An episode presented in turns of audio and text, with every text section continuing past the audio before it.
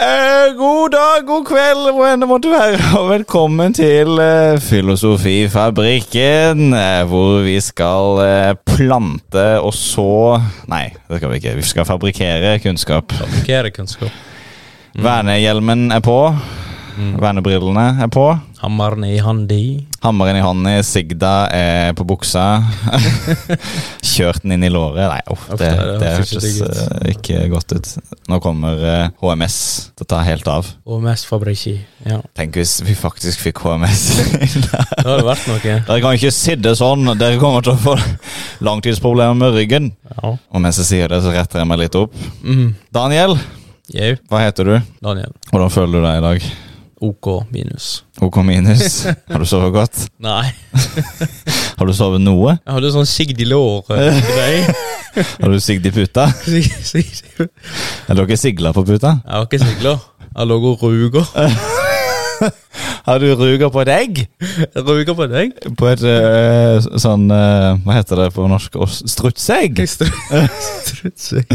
Proteiner? Hvis du kan si en fun fact om strutseegget? Jau. Strutseegg er eh, verdens største celle. Ja, stemmer det. Stemmer det. Jeg heter Pål. Spør meg åssen jeg har det. Hvordan har du det? Ja, tusen takk for at du spør. Jeg har det bra. Jeg har sovet ganske bra. Jeg, som regel så sover jeg litt dårlig før vi skal gjøre opptak, for jeg er så spent. Ja. Og full av dårlig samvittighet. At jeg ikke har forberedt meg nok.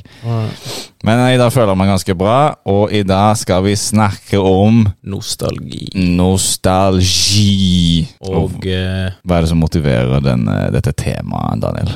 Nei, det er jo en bemerkning jeg har gjort meg eh, over tid, over egentlig flere år, der jeg føler at vi Det har vært- vært veldig mye mot at vi ser tilbake på ting. Mm. Ser tilbake på tidligere tider, og, og, og jeg ser trekk i arkitektur og musikk og, og film og serier og, og eh, mote og sånne ting, at vi, at vi, vi ønsker å ta tilbake ting som har vært i fortida, da Mm. andre trender som var før, og andre stiler og preferanser som var før. Jeg tenker at eh, nostalgi er ikke noe så veldig mye snakk om innenfor filosofi, så vidt jeg vet. Det er enkelte som har nevnt det litt her og der, men eh, så jeg tenker vi kan ta en litt sånn eh, opplysningsepisode på det, tenker jeg, og, og, og granske litt i, i, i det terrenget og, og, og, og i hva det vil si at eh, en har en nos- nostal... eh, At en er nostalgisk.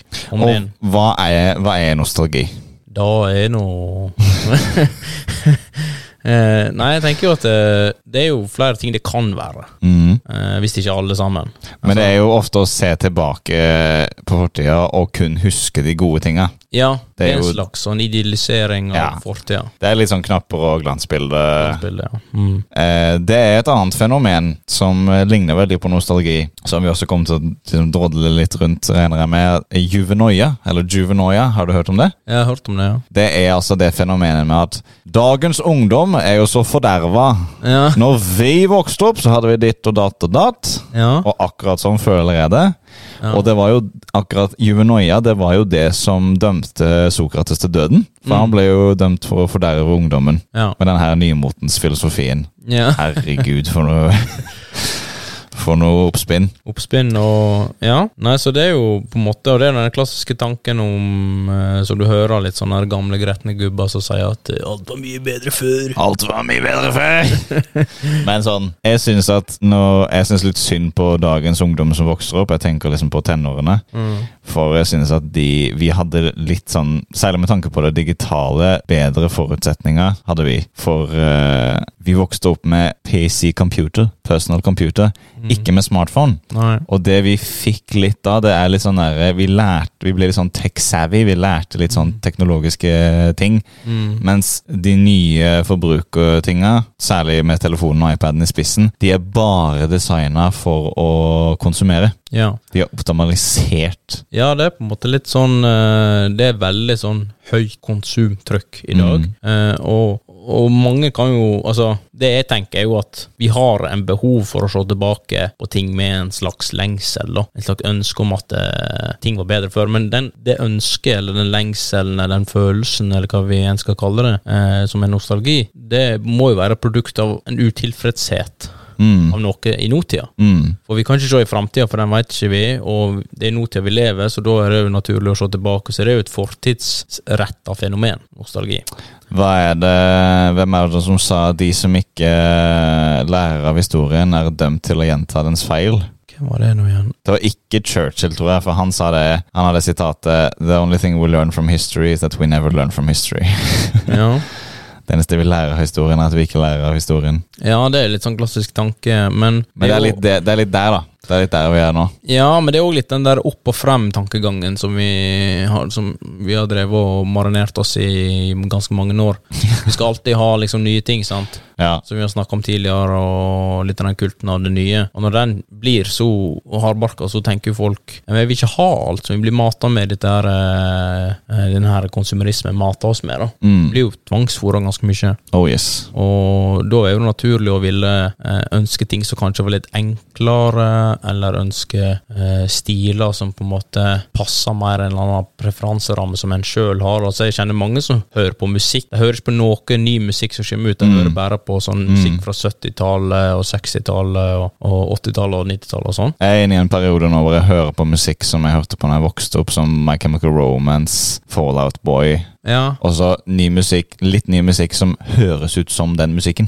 ja, sånn, ja sånn, du hører på den fordi den, den minner deg om den, ja. Mm. ja sant, altså, det er jo, men det er jo minneprega. Mm. nostalgi. Sant? For vi ser jo tilbake i hu, med hu, vår hu, egen hukommelse. Mm. Eh, og det kan jo òg være i vårt eget liv, men det kan jo òg være historie, en eller annen form for historisk epoke. Sant? Mm. Eh, og det kan for eksempel være Det kan være i en tid du ikke har opplevd. Er det ti år eller en epoke som du lengter etter, som du tenker sånn åh, du har en lengsel for en epoke som du selv aldri har vært i? Eh, det er et godt spørsmål. Jeg likte mye av stilen som var på 30-tallet, for eksempel. Ja. Men det er mer sånn estetisk preferanse, da. Det er mye på 30-tallet som jeg helst ikke ville ha.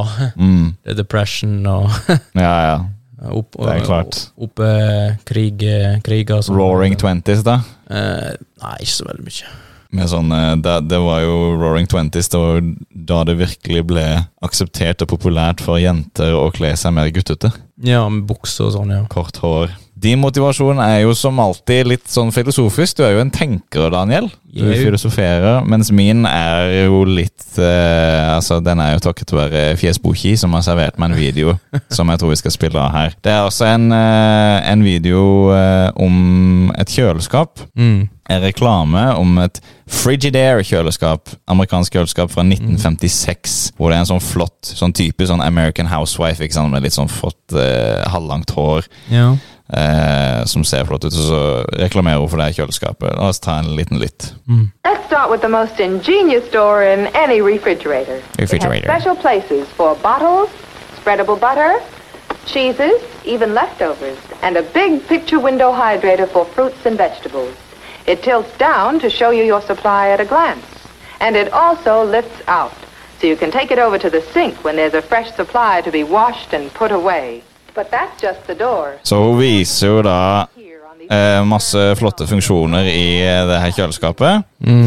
Blant annet at i døra så er det en sånn en grønnsakscontainer som du kan velte ut. Ja. Eller tilte ut, og så eh, kan du bare ta den, løfte den ut, og så tar du, hiver alle grønnsakene du har kjøpt på supermarkedet eller markedet i der, og så holder du den under vasken og vasker de sånn rett inn i kjøleskapet. Bish, bash, bosh, ferdig. ja, og dette kjøleskapet der er jo det som er så interessant med det kjøleskapet der, at det er jo nærmest en eh, anomali, for det er jo bedre enn de kjøleskapene vi har i dag, på Ja. mange måter. I hvert fall praktisk sett. Og det er det som gjør at jeg, har, jeg, jeg, jeg kjenner at eh, blodet mitt begynner å bruse litt igjen eh, når eh, jeg ser den her. For jeg har i mine 29 år så har jeg helt alvorlig talt aldri hatt et så godt kjøleskap, eller sett et så godt kjøleskap som det der. Nei. For det som er så flott med den ingeniørkunsten i det kjøleskapet, det er at hvis hengslene, for eksempel, Ja. på den der eh, grønnsakskuffen i døra som du kan ta ut, eller grønnsakscontaineren Ja.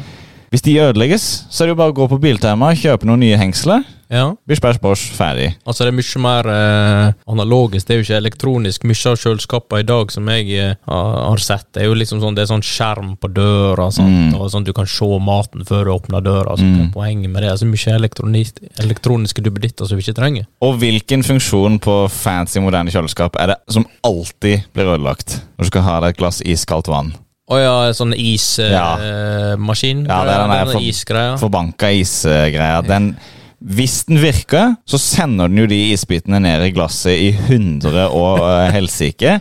Så det spruter jo vann ut overalt. Ja. Og som regel så virker den jo ikke. Og så tar du den til Elkjøp og Service, og så sier de nei, du, her må du kjøpe en øy. Jeg har ikke eh, mulighet for å fikse det, nei. Du kan ikke ta oss og fikse dette. Her må du kjøpe ny. Vi kan ikke gjøre service på denne, for du har brukt den feil. eller noe sånt.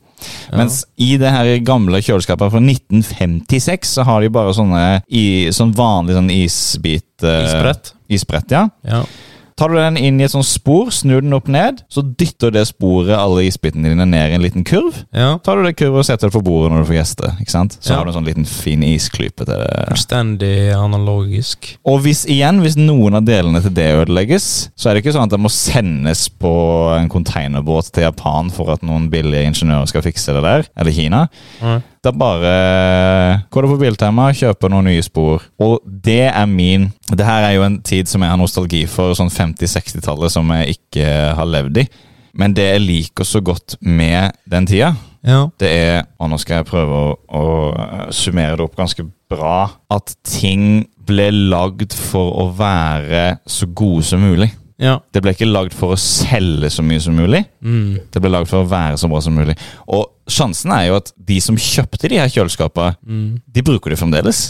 Ja, men det funker sikkert fremdeles. Helt sikkert. Men- så eh, det, det er noe som irriterer meg over i dag. At alt, alt, virker, alt som vi kjøper, virker som om det er lagd så komplisert som mulig, og eh, lagd for å bli ødelagt. Ja, men så er det òg litt sånn, og det er faktisk til, nesten tilfellet, fordi at flere har jo, eh, i hvert fall klesprodusenter, har jo byg- begynt å lage klærne sine sånn som de varer kortere. Mm. Sånn at du må kjøpe hos, hos produsentene eller i butikkene oftere, så du tjener mer penger. Det er mer pengedreven i dag enn det var tidligere. Det var jo pengedreven, altså de ville jo at du skulle kjøpe det kjøleskapet, selvsagt, men Selvfølgelig. Økonomien til Almannsen var helt annerledes, Mm. og eh, de kunne mer spesialisere seg på enkelte forbrukere. I dag er det bare massene og massene, denne kalde, kyniske, store massen. Og at du skal kjøpe det samme produktet på nytt igjen neste år. Ja, Altså Det kommer jo en ny iPhone hvert år. ja, Det kommer en ny Samsung hvert år. Flere. Det, du skal kjøpe en ny mobil hvert år. ja. Det syns jeg er helt krise. Systemet er jo bygd for eh, Eller de bygger jo det slik at du skal, du skal bli avhengig av dem. Og jeg tenker veldig på, når jeg, får, når jeg har den nostalgien for 1956, tydeligvis, så tenker jeg veldig på ingeniøren. Jeg- For jeg tror det må være grusomt å være ingeniør. For det, hvis du er ingeniør, så tror jeg ikke du er sånn kynisk forretningsmann, egentlig. Mm. Jeg tror du jeg har ganske stor kjærlighet til å lage flotte ting. Mm. Vi har jo de fleste av oss lagd et eller annet i sløyden som vi har vært stolt eller mindre stolt av. Mm. Og uansett om du er stolt eller mindre stolt, så ligger det en kjærlighet til arbeidet der som du bedømmer arbeidet ditt ut ifra. Mm. Og jeg tenker bare på de ingeniørene i 1956 som lagde det i kjøleskapet, og liksom tok noen steg tilbake og så på alle de finurlige løsningene som de hadde utvikla. Mm. De må jo ha vært gørrstolte. Og de samme ingeniørene, hvis de ser at noen av de kjøleskapene fremdeles er i bruk i dag så er 1956, det er jo nesten Altså det er 63 år siden Nei, 67 år siden. Ja. Nesten 70 år siden. Ja. Det er jo altså det er, Det er jo en god stund, men, men eh, det er mye som har skjedd siden den tid. da. Altså, mye av den tank det jeg tenker på, er jo at eh, det der var mer prega av eh, ingeniørtankegang, og ingeniører er jo, ønsker jo å finne gode løsninger. mm, Dette var jo eh, definitivt gode løsninger, eh, mens eh, i dag er det mye mer gründer- og kapitalistdreven. På mm, den måten at vi ønsker et, eh, det er et profittjag. sant? mm, Mest mulig penger. Gode løsninger er secondary, mm. eller Sånn. lenger ned på lista. Kanskje langt ned på lista. Ja, en Sant. god løsning. Det er ikke, altså, det er ikke meninga å lage et produkt som varer så lenge som mulig. Nei, og det er, ikke mer, det er mer meninger og eh, markedsføring, mye mer Mm. fokus på. Mm. Og eh, mer fokus på å fange forbrukeren, holde han på matta med nye produkter og liksom det at det er nytt og spennende, Mm. snarere enn at det faktisk er bra eller at det er noe særlig bedre enn det som var tidligere. Mm. Så jeg tenker jo, du har, jo- det virker jo som du har en slags lengsel, da. i hvert fall etter et kjøleskap du aldri har opplevd sjøl. Mm. Men det er jo prega av at du Altså, du hadde kanskje ikke hatt den lengselen hvis du var veldig fornøyd med dagens kjøleskap, Mm. og at du var Og at kjøl, det kjøleskapet du hadde hadde hatt i dag, Lasse, hadde vært mye bedre enn det der. Da hadde du ikke hatt nostalgi. Ja, det er godt eh, observert. Det, er- så det, er- det er bare i den lengselen, det at den er der, så ligger det en liten avsløring. Ja. Det er noe å lengte etter her. Det, det, jeg har et sånn et eller annet tomrom i meg som ikke blir fylt. ja, og det er sånn som Søren, Søren Kirkegaard snakker jo litt om eh, nostalgi i sitt verk, enten eller. I hvert fall litt. Han nevner ikke sånn veldig eksplisitt, men han snakker litt om det, og der snakker han om nostalgi som på en måte en slags følelse etter det tapte, men òg det ideelle. Mm. Du ser på dette Mm. som kanskje mer en idealløsning da, Mm. enn en eh, løsninga vi har i dag, som bare er mer sånn eh, sleng på masse juggel på Mm. kjøleskapet, og så se hva som skjer. Ja.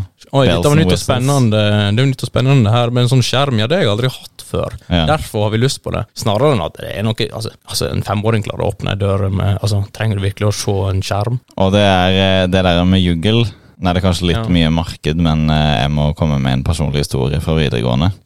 For eh, på videregående så fikk vi en oppgave at vi skulle, vi skulle designe et eller annet produkt. Utvikle det bare i, spot, nei, i Spotify, sier jeg, i Photoshop. Ja. Og så eh, skulle vi lage en slags markedsføringskampanje for dette produktet. da. Mm. Og det kunne være hva som helst, det produktet. Og jeg valgte å Det som var viktig, var at du hadde en tydelig målgruppe. ja. Min målgruppe var tenåringsjente, og det jeg lagde, det var en telefon som hadde sånne kaninører på toppen. ja. Jeg tenkte det her er så sprøtt at det kommer Nei, det var ikke kaninøre, det var en krone på toppen. Det var en krone. Ja, ok. Det her er så sprøtt, tenkte jeg, at det her kommer aldri det her, altså, det kommer jo aldri i eh, livet til å bli solgt, men det er jo en morsom idé. Ja. Så gikk det jo bare noen år, så kom de her eh, telefoncasene med sånne kaninører på toppen. ja. Og da tenkte jeg fuck, jeg var jo inne på det. Jeg var, jeg var jo rett der. Det var rett der. Ja.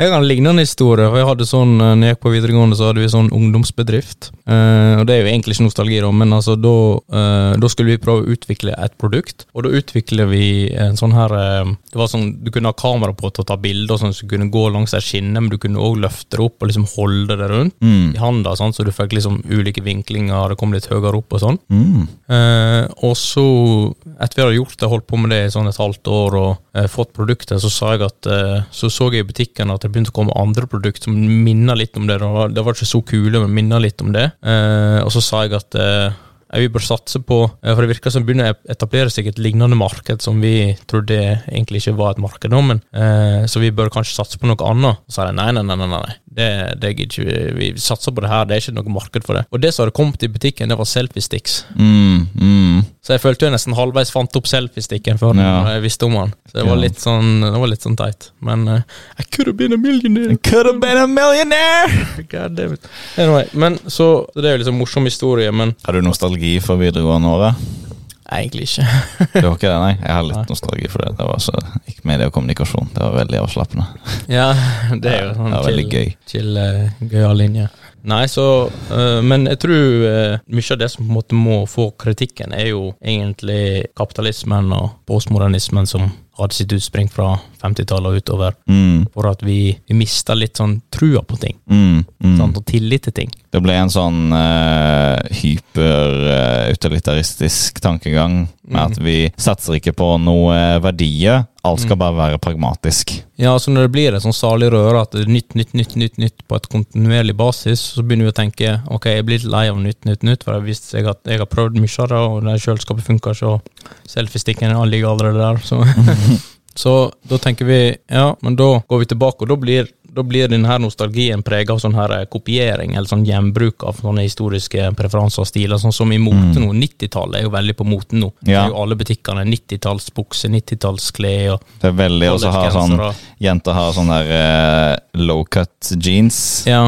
Eh, og så har jeg sett at i USA så har de tatt den helt ut, så drar de liksom sidene på trusa litt, sånn du kan se de litt på sidene. Ja. Det er jo sånn skikkelig 90-tall, sånn ordentlig tacky, ja, ikke sant? tacky greie. Også sånn plus size eh, T-skjorte. Jeg går jo i en sånn plus Ja, ja. size T-skjorte nå. og Jeg syns det var veldig kult. Det bare sånn, å, stilig, jeg synes det ser greit ut. Og så bare sånn Ok, men nå er det nok plus size, nå er jeg av normal size. Ja. Finner jo det ikke lenger, nesten. For det er jo proppa fullt, det er bare plus size overalt. ja, det er det. Og hull i buksene, hull i jeansa. Hull i jeansa og Adidas og Ja. Det er blitt, eh, det er sånn, det der med hull i jeansa, det har tatt helt av, for det starta litt sånn beskjedent med litt slitte jeans, og så litt sånn slitte så du ser Ja. Du ser trådene, og så har det bare blitt sånn Det er egentlig hull med litt jeans. Det er ikke jeans med hull. Ja, men det, det er nettopp det. det er nettopp det. Fordi at det du sa nå minim- Jeg kom på egentlig noe nå. Jeg vet ikke helt om du egentlig sa det. Gratulerer. Ja. Skal du få en Først. Første gangen i Vær så god. historien. Thank you, thank you. fortelle noe før du glemmer det? Ja, fordi at eh, det som er greia, er at spesielt med det nye, at det, det er nytt og spennende, sant? men så blir det nye det de ikke har lyst til å bli. Mm. Det blir populært, og det blir mainstream. Mm. Sant? Så hull i buksene datt av ei stund. Fordi at det, det prøvde jo å være annerledes. Sant? Se på han han er kul, han tør å gå liksom hull i buksene. Annerledes enn alle andre. Du skiller deg ut i mengden, og det er jo det alle vil. sant? Eh, men så ble det mainstream, for alle vil jo skille seg ut. Mm. sant? Og så ble det populært, og så ble det mainstream, og så hadde alle det, og det var ikke gøy lenger. Alle vil skille seg ut, og alle vil være en del av det. Ja, sant? Når alle har allerede skaffa seg eh, jeanser eller Nike-skoer eller et eller annet sånt, Mm. så må vi finne på noe nytt. sant? Og det er en eh, film eh, som uttrykker det her med mote veldig bra. Ja. Eh, for det er faktisk et sosiologisk fenomen, eh, særlig i moten, at eh, vi bl reagerer med mer konservativ mote når vi føler at teknologien utvikler seg, eller noe som helst utvikler seg for raskt. ja. Det kan være, eh, det, Før så har det ofte vært politikken, sånn revolusjon og sånn. I dag er det jo teknologien. Mm. Eh, Og teknologien berører oss jo veldig personlig. Vi har jo PC, personal computer, vi har alle Telefon i lomma. telefon i lomma hele tida. ikke sant? ja. Det som er i denne Her-filmen, hvor da en mann forelsker seg i en AI, bare en stemme, Mm. er jo at du ser i moten der at den er litt sånn Den er jo mer eller mindre sånn 30-tallsmote. ja. De har eh, naturlige løse stoffer, mye lin, mye fin bomull. Mm. Tror det er litt sateng der også. Og det er veldig, ikke sant, det er sånn Det er ordentlig sånn klassisk, Mm. tidløs eh, mote der. Ja. På mange måter så føles den moten litt nærmere eh, klassiske Hellas enn det gjør 90-tallet. Mm. 90-tallet er liksom syntetisk, tacky, veldig sånn, det, det skriker veldig. Mm. Eh, mens eh, denne moten er veldig sånn subtil, elegant. Mm. Og det gjorde de bra i den filmen. altså. De tok virkelig det innover seg at folk reagerer konservativt når noe nytt skjer. Og det her var jo liksom begynnelsen av AI. Når man begynte å snakke litt om AI, så lagde de denne filmen. Her heter den. Mm. Eh, og i dag så har jo AI virkelig virkelig tredd inn i våre liv gjennom chat og GPT og alle de her tegnemaskinene og alt der. Ja, så det blir litt sånn gammelt nytt. Og det er jo han der eh, kjente regissøren eh, Wes Anderson, Mm. som har jo alle filmene hans er jo sånn 50-tallet, 60-tallet, 40-tallet, 30-tallet osv. Så, videre. Mm. så det er veldig sånn nostalgipreg over alle filmene hans. Tror du at denne 90-tallsmoten eh, kommer jeg bare til å tenke på det, er det kanskje en reaksjon på, eh, på AI-en? Det kan hende. Det er kanskje en sånn motkulturell, eh, litt sånn smålig stille reaksjon. Ja. Eh, men jeg tenker jo òg at det er jo et forsøk på Eller et- en vanskelighet med innovasjon. Mm. Konstant innovasjon. Du går jo tom for ideer til slutt. Mm. og du kan ikke finne opp hjulet på nytt hver gang. Så da blir det nytt, Mm. men det er ikke nytt, det er gammelt nytt. Ja, Det er det gamle nye. og der sier du et poeng som eh, treffer en nerve hos meg, finne opp hjulet på nytt. Ja, For det er det som er min kritikk med egentlig eh, mye av det som jeg har nostalgi for. Det, det jeg har nostalgi for, det er et eksempel på hva jeg er kritisk mot. Og med kjøleskapet så er det jo det at de har egentlig klart å lage et kjempeflott sø- kjøleskap i 1956. mm. Men så har de prøvd å finne opp kjøleskapet på nytt. Finne opp Mm. hjulet på nytt. Og det er ikke noe vits i å finne opp hjulet på nytt, for det er rundt, og det fungerer. Mm. Altså, Det har rulla i tusenvis av år, og når vi fant opp det, så bare wow! Ja. Eh, det er ikke noe vits i å finne opp det. Og én ting som jeg syns er blitt funnet opp et, i etterkrigstida, Mm. altså siden eh, 1949, det er arkitektur. ja. Og det er trist å se alle de svære, stygge, brutale blokkene som slås opp. Brutalisme heter jo det. Det heter jo brutalisme, faktisk. Nei, faktisk, Det er ganske fint at de er ærlige med det. At de bare kaller det brutalisme. Ja. Ikke forskjønnet eh, betong. Nei. Det, er- det er brutalisme. Ja. Og klassiske bygg rives i deres sted. Det, er, det, altså, det gjør meg faktisk vondt. Jeg får Ja. vondt i hjertet det, det, det. Men det er ikke bare nostalgi, det er òg en bevaring av historien. Mm. Eller altså historie. Og eh, historiske tidspunkt, og liksom sj- vite hvor den er fra. Ikke bare rive alt ned og starte på nytt igjen hele tida. Mm. Kan ikke gjøre det så veldig mange ganger, egentlig. Nei. Kan prøve å gjøre det, men når du prøver å gjøre det hele tida, så ser du hvor det går. Mm. du ender opp med bare sånne her eh, fasadegreier som ikke ser sånn noe så veldig bra ut. sant? Nei. Men Bygd på billig materiell for å være effektiv. For å Mm. være det er den form, eh, form before function-greia. Ja, Sant form at det- følger funksjon. Ja, nettopp at eh, Fø, fø, fø. At det, det er funksjonen som er det viktigste. Mm. Og eh, den formen bygget har, den er bare for å liksom, mimikere det, og for å maksimere den funksjonen vi skal ha. Typisk sånne store økonomiske bygg i New York, sant, som aksjemeglere Ja. sitter inne i. sant, Det er ikke bygg for å være estetisk, det er bygg for å få mer plass effektivt, osv. Og jeg kan være enig langt på vei i det at form følger funksjon. At det er funksjon, byggets funksjon, det skal få forrang. Men det eh, utsagnet er tolket i en sånn ek- ekstrem kontekst, hvor de egentlig sier form betyr ingenting. Nei. Mm. Eh, gjør hva som helst med form, så lenge det er enten eh, nyskapende Det er jo noe arkitekter selv setter veldig pris på. Det skal være Ja. nyskapende. Jeg tenker på Barcode, de bygningene i Oslo som ser jo helt latterlige ut. Mm. Altså Det ser jo ut som en som ikke har tegn, kan tegne, har tegna de. Ja. Jeg tegna penere bygg når jeg gikk i første klasse. Jeg gikk i første klasse videregående. ja. Eh, de har tolka det sånn ekstrem, eh, ekstrem ting at form bare ikke har noe å si, og det syns jeg er dumt. Mm. Fordi det er folk som går forbi disse bygga hver dag når Mm. de skal til jobb, eller kjører forbi de, eller hva det måtte være, sykler Mm. forbi de, og må liksom oppleve at disse byggene henger over de. Jeg føler seg personlig at de står og banner, sånne store, stygge, brutale bygg. Føler at det skriker litt til deg. Mm. Ja. De står og banner i offentlige rom. Og det jeg tenker, hvis, hvis det hadde stått en mann på torvet i Kristiansand og bare hylt og banna, Ja. så hadde jo politiet kommet og ikke sant, ordensforstyrrelse. ja. Men av en eller annen grunn, så når det kommer til bygninger, så er det greit. Ja, men det er fordi at vi har ingen har ikke hatt, altså Vi har fulgt den eh, tradisjonen form follows function, og vi har tenkt at eh, de må få gjøre sitt. Mm. Og det betyr jo at de kan get away with murder her, altså. Mm. Eh, fordi at vi er jo omringa i Kristiansand, for den del, også, men i- og i s- spesielt i sånne store byer sånn som New York og London osv. De er jo omringa av bygninger overalt. Store eh, Mm. tårn. sant? Eh, så det, det er jo nødt til å se på dem. Hvor, hvor enn du snur deg, så er det en bygning. Jeg syns jo eh, primeksempelet her, det er jo eh, Paris. Ja. For Paris har jo en eh, forstad, Ja. og så har du et sentrum. Sentrum i Paris er jo kjempekjent. Mm. Det er jo en mil gang en mil. Mm. Eh, og eh, utrolig, utrolig flott. Superpent. Du kan gå i alle gatene og bare fryde deg over hvordan, hvor fint det er. Mm. Og så går du ut i forstaden, og det er jo blitt sånn Det franske ordet for forstad, det er banlieue. Ja, ok. Og på grunn av Paris så har banlieue egentlig begynt å ta på seg en mening som eh, ligner mer på getto. Ja. Fordi eh, forstaden i Paris de er designet av en eh, sveitsisk arkitekt som nå har gått bort, tror jeg, som het Le, Le Corbusier. Ja.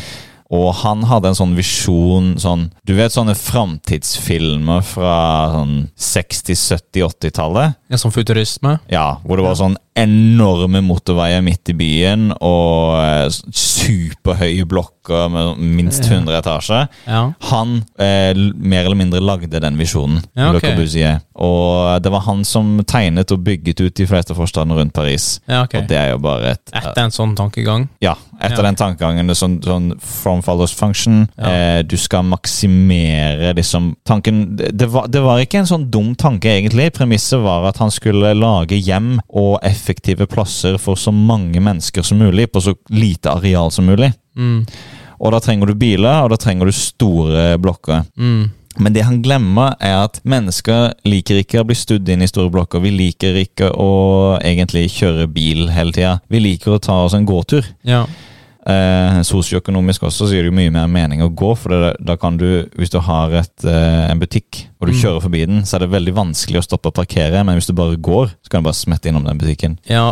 Så det har jo ført til, de her tinga her har jo ført til at eh, økonomien i de her forstadene har blitt dårligere, og når folk blir fattige, så blir de jo eh, dårlige kår. Altså Ja. det, det blir ikke noe hyggelig sted å være. Og derfor har det ordet banlieue, forstadene i Paris, mer og mer tatt på seg meningen altså getto, eh, i den forstand at det er eh, dårlige eh, kår der, da. Det er vanskelig å vokse opp der, for eksempel. Ja, og det som er litt interessant med sånne ting, er jo at eh, for eksempel i Kristiansand så har du mange eldre bygg. Mm. Men de eldre bygga som er veldig dårlig stand på, de er ofte de som har mindre, litt dårlig råd som bor, og det er ikke så, kanskje ikke så fint å bo der. Mm. Men litt sånn eldre bygg som kanskje er like gamle, men er veldig godt holdt i stand, de er sånn rike boliger. Ja. Så det er jo litt interessant. Eh, men det går jo generelt sett på en sånn trend og ønske om å holde, liksom, som har gått gjennom i hvert fall siden kanskje 40-tallet, det med å, å Ja, vi ønsket jo å bygge opp igjen etter krigen, sant? Mm. og vi trengte nye reguleringer, og vi trengte å huse mange mennesker og bygge opp Mange bygg var jo rett og slett bare så enkelt knust ned av bomber og sånne Mm. ting, og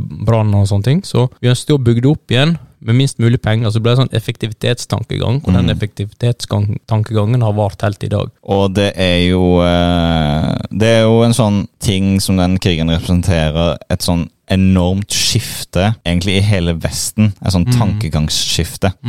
Hvor man gikk fra det vi nå anser som en litt sånn historisk, klassisk kanskje tankegang, hvor ting var mer filosofisk, de la mer filosofo filosofi inn i hverdagen, til at det ble ultrapragmatisk som det er i dag. Ja. Eh, og det ser man veldig tydelig i arkitekturen. da. Og det, jo mer jeg tenker på det, jo mer går det innover meg hvor mye de to krigene, særlig andre verdenskrig, dens brutalitet, hvor, hvor mye den klarte å drepe eh, opp, håpet. da. Mm. Håpet og, og, og liksom strebenen etter, etter estetikk, for eksempel, og det gode liv. Man la heller en sånn pragmatisk I stedet for å strekke seg mot noe eh, positivt, så, så lot man seg styre litt av frykt og prøve å forvente Mm. den, eh, Nei, eh, forebygge det negative. Mm. Og tenkte heller eh, på det, og det, det skapte jo en del gode økonomiske forutsetninger. For vi har aldri sett så eh, god økonomisk spredning som i etterkrigstida. Mm. Men hva kostet det oss? Ja, og så tenker jeg litt sånn Jeg kunne gjerne bodd i et sånn gammelt, eh, fint eh, ornamentalsk hus, men eh, hvis det ikke har gjort noe med siden den tida det ble bygd, så er det absolutt ikke up to code Mm, for eh, dagens standard. mm, Så jeg vil gjerne ha det liksom up to code til dagens standard. Det er litt sånn den tralten med nostalgiske ting mm, og nostalgiske trender, og det er nemlig at ja, vi skal ta tilbake litt av det gamle, gamle men vi skal eh, gjøre det litt nytt, gjøre det litt sånn inn i vår tid, sant. mm, Vi ser jo det sånn eh, med både den moten og arkitekturen. Sant? Nå eh, begynner de å bygge et nytt bygg, eller holder på å liksom pusse opp et gammelt bygg inne i Kristiansand. liksom. Men De har vel revet det og bygger nytt, tror jeg. Ja, eller så har de bare bygd på noen etasjer og pussa litt opp, men, men mye av den samme bekledningen står jo fortsatt. da. Ok. Så det kan bli veldig fint, og det er bygd i en sånn gammel stil. Mm, Og, og da er det liksom up to code. Det Mm. er liksom anno 2023, men det er fortsatt gammel stil. Så det er gammelt nytt. mm, Og det samme med sånne her Disney-filmer og sånne ting. De eh, lanserte jo for et par år tilbake den her Aladdin, sant? ja. Så det var jo Aladdin, samme storyen omtrent, men da var jo hun der eh, Jasmine, er det hun heter. Mm, Hun hadde en mer rolle, hun var litt mer eh, sånn k- Vi tenker at kvinner skal være i dag, sant? Hun hadde litt mer Ja. makt, hun hadde litt mer stemme, mm. sant? Hun var ikke bare en sånn svak eh, Ikke så eh, passiv, pop-up. Ikke mer så aktiv. passiv, mer aktiv. Simon de Beauvoir hadde vært fl- eh, stolt av det. Og ja, Simone de Beauvoir og hva heter den her eh, Arendt? Løvenes konge, Ja. eh, og Arendt, for den del. Løvenes Arendt. Løvenes Arendt. Eh, den har jo lansert igjen, men med moderne grafikk. da. Mm, Det skal så mm. mer ekte ut. Mm, Men det blir jo bare teit, for at jeg tenker jo at den var jo en film for Ja. sin tid. Den, var Ja, jo, ja. den skreik jo 90-tallet. Og det, ja, den skrek 90-tallet, men det var også altså Det er noe med historien der som er tidløst. Den ble jo løst så bra, den filmen, med musikken og det er Elton John og Ja, den, den har liksom sin plass i tiden. Jeg skjønner Ja. hva du sier, det er 90-tallet, men, men det er noe ved det som er tidløst også. Ja. Og da kom vi inn på det tidløse, og det som, som filosofifolk, filosofer, Ja. så er det klart, vi er jo veldig glad i det tidløse. ja, vi er glad i det tidløse, fordi at det, er en, det fremstår som en, un- det er noe universelt sant med det. Mm. Og når vi ser på det tidløse, så setter vi et speil tilbake mot oss sjøl. Oi, det ble litt mer poetisk, men vi setter liksom Ok, vi kan kjenne oss igjen i det her, og vi kan kjenne oss igjen i det i alle tider, så hvis det er tidløst, da veit jeg at om 300-400 år så er det noen som kommer til å kjenne seg igjen i det, sjøl om de lever i et helt annet samfunn. Mm. Uansett hvilket samfunn de lever i, faktisk. Uansett hvilken kontekst de lever i. Så da er det egentlig et, eh, et speil på den menneskelige natur Mm. tenker jeg. Eh, Det er derfor vi liker å se på det, for det viser oss den menneskelige natur, og vi er jo interessante å vite mer om oss sjøl. Og jeg tror det er det vi lengter etter. Noe nostalgi er bare knapper og glansbilder. Det er Ja. bare personlige minner som vi ser tilbake på, og så husker vi bare det positive tinget og ikke det negative. Mm. Men det er noe nostalgi, og kanskje særlig nostalgi for tiden vi ikke har selv eksistert i. Upersonlig nostalgi. Ja. Som Det vi lengter etter, det er det at vi ser at her i fortiden så hadde man, var man i kontakt med noe universelt, Mm. og så ga man det opp. Ja, til fordel for noe mindre universelt. ja. Traff det liksom Den gikk innom målet, men så tok en sånn U-sving, eller noe Vi- sånt. Vi, for å bruke en metafor, vi fant opp et hjul som var rundt, Mm. og så gikk vi heller for et trekanta hjul.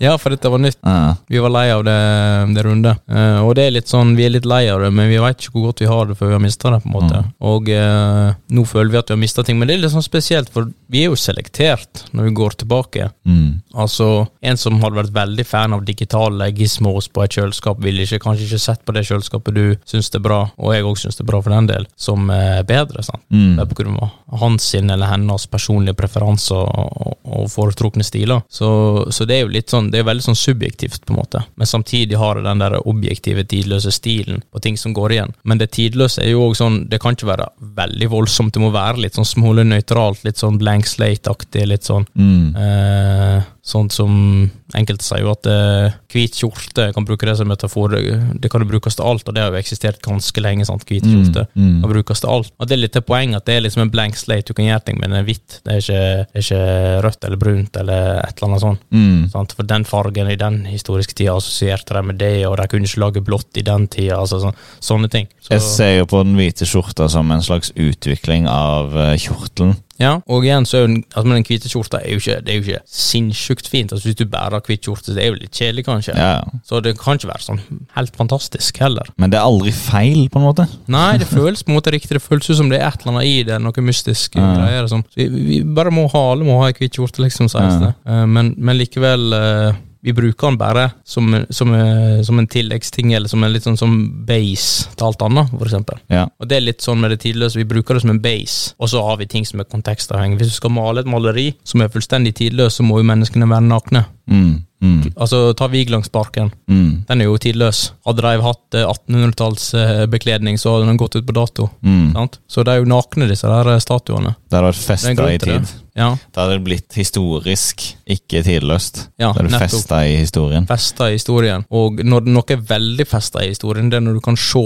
eh, de kulturelle trekka og trendene som gikk der veldig igjen i tingen, enten det er en film, en serie eller et maleri. sant? Og det er jo jeg, jeg, Det første jeg tenker på, er jo som vi sa, 'Løvenes konge'. Jeg føler den skriker 90-tallet. sant? Den er veldig sånn brent fast. sant? Med, s- den er stempla inn i 90-tallet. Med den s- animasjonsstilen og musikken og alt. Ja, og litt sånn eh, Fargene. hvordan Disney var på den tida, rett og Ja. slett. Fortalte gode historier. Ja. Eh, og jeg tenker jo det at å, å, å ha ting festa i tid, det er egentlig ikke noe problem. Nei. Jeg tror ikke det er det som er i hvert fall min kritikk. Nei. For det er fint å se at ting har sin historiske plass. Det er også fint at vi strever mot noe universelt og noe tidløst. Mm, Det som ikke er fint, det er når ting er fullstendig anonymt. Og jeg tror det er det som er min eh, gripe, min eh, irritasjon med f.eks. moderne arkitektur. mm, Det var et sitat eller en regel for god arkitektur, og det, den regelen var God arkitektur er når du ser et bilde av et eller annet sted, mm, og du aner ikke hvor i verden det er, men ut ifra arkitekturen så kan du gjette sånn cirka hvor i verden det er. Ja, ok. Ja, for det er særegent. Mm. Det tilhører liksom sånn som Så når du ser terrakotta, Ja. så skjønner du at det er Italia. ja. Ikke sant? Og så har jo du eh, ja, Eiffeltårnet i Paris, for eksempel. og Ja. sånne ting. Du veit med en gang vi assosierer det med en gang med Frankrike og Paris. Og du trenger ikke se Eiffeltårnet engang. Når du bare ser den der sandsteinen, den der hvite, varmhvite sandsteinen som de fleste bygger i Paris, så tenker man Paris. Mm. Når du ser, Jeg har jo studert i Toulouse, og det kalles jo for den rosa byen. For det, de har brukt en bergart i byen der som er litt sånn rosa. Sånn rosa i seg. Ja. Når, du ser, når jeg ser den, så tenker jeg Toulouse. ikke sant? Ja. Og poenget er ikke å være så presis som en by, men det er bare det at det må ha- vise litt personlighet. Ja. Og modernismens tre materialer, glass, stål og betong, Mm. fjerner den gjenkjenneligheten. Kaldt og trist. Ja. Og det gjør det anonymt. Mm. Gjenkjennelsesfaktoren er borte. Helt borte. Fordi at det er ikke meningen at det skal ha en gjenkjennelsesfaktor. Sørlandshus. Vi er jo på Sørlandet. Ja. Hvite sørlandshus. Hvite, Ja. Det er jo noe Jeg har jo vokst opp med det hele mitt liv og virkelig tatt det for gitt, men begynt å sette pris på det nå i det siste. Mm. Jeg har menga litt med en del utvekslingsstudenter, og de slutter jo ikke å prisgi de her hvite sørlandshusa. De Ja. syns de er så flotte. Ja. Eh, jeg er litt sånn, ok, ja, det er bare noe hus. Men eh, når jeg har sett meg litt rundt, så er det ja, det, det er en sjarm. Og det, det er ikke nødvendigvis det at det er sånn utrolig kjempefint, Mm. men du vet at du er på Sørlandet når du ser de husa. Ja, Det er liksom der det hører hjemme. Så det er befesta i eh, og Det er veldig dumt hvis du skal reise rundt på ferie og du skal reise på en ny plass, eh, Paris eller what have you, og eh, det virker som om du kunne være hvor som helst i verden hvis alt hadde vært likt. ikke sant? Mm. Så det er veldig dumt. En, eh, og det er bygga, særlig bygga, for det er der du omringer med, i hvert fall i store byer. Mm. Altså New York og sånne ting. Og New York er jo det er jo sånn statistikk på New Yorkere, eller folk som flytter til New York og bodd der en liten stund, og de merker jo at de blir litt sånn tristere, for det er jo mange oppfatter som oppfatter det litt som en sånn kald by. Mm. Eneste Ja. livet det er på en måte folkeliv og myldere og kulturer og show og sånne ting. Showbiz og alt sånn. Mens, eh, mens arkitekturen gjør at du blir litt sånn du rammer inne, og du, blir, litt- du føler deg liten og litt sånn alienated og ja. Det som ofte skjer eh, med europeere når de flytter til New York, det er at de får en opptur med en gang de kommer, og så en nedtur. Ja. For du treffer først på den amerikanske optimismen. Har du Ja. noen gang vært i New York? Jeg har aldri vært i USA. Jeg var, på, var i New York en gang, en uke bare, med folkeskolen. Ja. Det var, da fikk jeg kjenne på den optimismen. Da Ja. ra- rakk jeg liksom å kjenne på den før jeg fikk den nedturen. ja. Det er intoxicating, altså. Det er, eh, det er en s- helt spesiell følelse. Det er litt sånn sugar high, og så krasjer du, liksom. Ja, ja, ja. Jeg rakk heldigvis ikke å krasje der, jeg var der ikke så lenge. Men jeg var på en Five Guys Burgers and Fries, Pizzas and Hot Dogs. Såpass, ja. Og eh, kjøpte meg en burger og litt pommes frites. Så kom jeg ut, og så sto det en tigger på utsida og spurte om jeg kunne Can you spare me a dollar? Så jeg, "Eh, Sorry, man, I don't have a dollar on me, but you can take these fries. Og han, altså, han ble så glad. Han ble så glad. Ah, thank you, man! Pray the Lord, praise you! Et eller annet sånn, sånn skikkelig sånn der eh, overveldende takknemlighet. Og det smitta. Jeg ble også kjempeglad når jeg ga han de pommes den pommes fritesen. Jeg har aldri vært så glad før eller siden. Såpass, ja. Ja, ja det, var helt, det var en sånn intens opplevelse. Ja. Det er eh, den American optimism. Jeg vet ikke om det har noe med nostalgi å gjøre, men Eh, jo, altså Det er jo litt sånn Men det går det kanskje litt inn på det han eh, John Boudrillard snakker om. når Han snakker om nostalgi i henhold til, eh, til på en måte vårt forbrukersamfunn da, og, og dette her med simulering, som han liker å snakke om. Og han mener jo at nostalgi oppstår som en lengsel, ja, men i henhold til tap av virkelighet og tap av eh, em, noe autentisk, eller det vi oppfatter som autentisk, Mm. som en del av og Det går litt på den gjenkjennelsesfaktoren. sant? Du kan kjenne deg igjen i det, men når du begynner å miste den, når du begynner å miste det at det, det føles ut som en del av deg, eller en del av det du liker, en del av dine preferanser og foretrukne stiler, Mm. så opplever du kanskje det der fallet da, av den sugar high-en.